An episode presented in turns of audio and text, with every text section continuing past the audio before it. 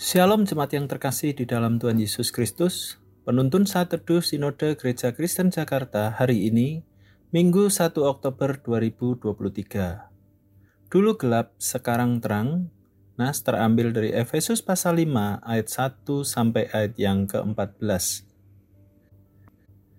Sebab itu jadilah penurut-penurut Allah seperti anak-anak yang kekasih dan hiduplah di dalam kasih sebagaimana Kristus Yesus juga telah mengasihi kamu dan telah menyerahkan dirinya untuk kita sebagai persembahan dan korban yang harum bagi Allah.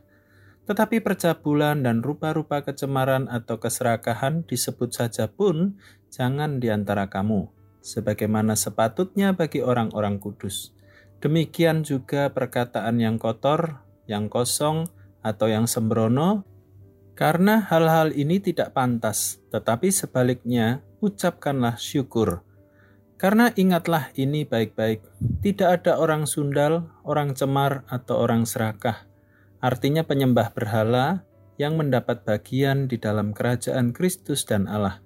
Janganlah kamu disesatkan. Orang dengan kata-kata yang hampa, karena hal-hal yang demikian mendatangkan murka Allah atas orang-orang durhaka, Sebab itu janganlah kamu berkawan dengan mereka. Memang dahulu kamu adalah kegelapan, tetapi sekarang kamu adalah terang di dalam Tuhan. Sebab itu hiduplah sebagai anak-anak terang, karena terang hanya berbuahkan kebaikan dan keadilan dan kebenaran. Dan ujilah apa yang berkenan kepada Tuhan, janganlah turut mengambil bagian dalam perbuatan-perbuatan kegelapan yang tidak berbuahkan apa-apa. Tetapi sebaliknya telanjangilah perbuatan-perbuatan itu sebab menyebutkan saja pun apa yang dibuat oleh mereka di tempat-tempat yang tersembunyi telah memalukan. Tetapi segala sesuatu yang sudah ditelanjangi oleh terang itu menjadi nampak, sebab semua yang nampak adalah terang. Itulah sebabnya dikatakan, "Bangunlah, hai kamu yang tidur, dan bangkitlah dari antara orang mati, dan Kristus akan bercahaya atas kamu." Saya berasal dari keluarga non-Kristen. Ketika belum mengenal Kristus, saya pernah menyontek, omong kotor, berjudi, berbohong, bahkan mencuri. Walau demikian, saya tidak merasa bahwa hal-hal tersebut adalah dosa. Ketika memutuskan untuk percaya Tuhan Yesus, hati saya diterangi. Saya mulai menyadari dosa-dosa. Setelah percaya, saya mulai tidak menyontek di sekolah. Omong kotor, judi, berbohong, dan mencuri juga saya tinggalkan. Nas hari ini mengatakan bahwa jemaat Efesus dulu hidup dalam kegerapan. Mereka terlibat dalam percabulan, keserakahan, dan rupa-rupa kecemaran. Mereka mengucapkan perkataan kotor, perkataan kosong, dan sembrono. Mereka adalah orang sundal, orang cemar, orang serakah, penyembah berhala yang tidak akan mendapat bagian dalam kerajaan Allah. Dulu jemaat Efesus adalah kegelapan, tetapi sekarang mereka adalah terang dalam Tuhan. Mereka sekarang harus hidup sebagai anak-anak terang, sebagai orang yang telah diterangi Tuhan. Jemaat tidak boleh lagi terlibat dalam perbuatan kegelapan, sebaliknya harus menelanjangi perbuatan-perbuatan kegelapan itu Intinya Paulus mengajarkan jemaat Efesus agar jangan hidup seperti dulu yang ada dalam kegelapan dengan segala dosa-dosanya.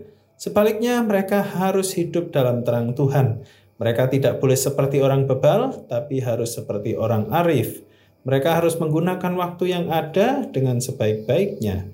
Hidup mereka tidak boleh seperti dulu lagi dalam kegelapan. Sekarang mereka hidup bagi Tuhan, hidup dalam terang. Dulu sebelum Kristus menerangi hati kita yang gelap, kita juga melakukan berbagai kecemaran dosa. Seringkali kita malah tidak menyadari keberdosaan kita sampai hati kita diterangi sehingga menyadarinya. Setelah percaya, kita diberi kuasa meninggalkan kegelapan dan dimampukan untuk hidup dalam terang. Karena itu, kita jangan kembali hidup dalam kegelapan, tetapi harus hidup dalam terang. Status kita telah berbeda dengan dulu. Kita sekarang adalah anak-anak terang. Agar kita dapat tetap hidup dalam terang, kita harus selalu terhubung dengan sang terang itu sendiri. Melalui waktu saat teduh, baca firman dan doa, kita akan selalu terhubung dengan Kristus. Ketika kita tinggal terus dalam Kristus, kita akan mampu terus hidup dalam terang. Dulu kita adalah kegelapan, sekarang kita adalah terang dalam Kristus. Selamat beraktivitas, Tuhan Yesus memberkati.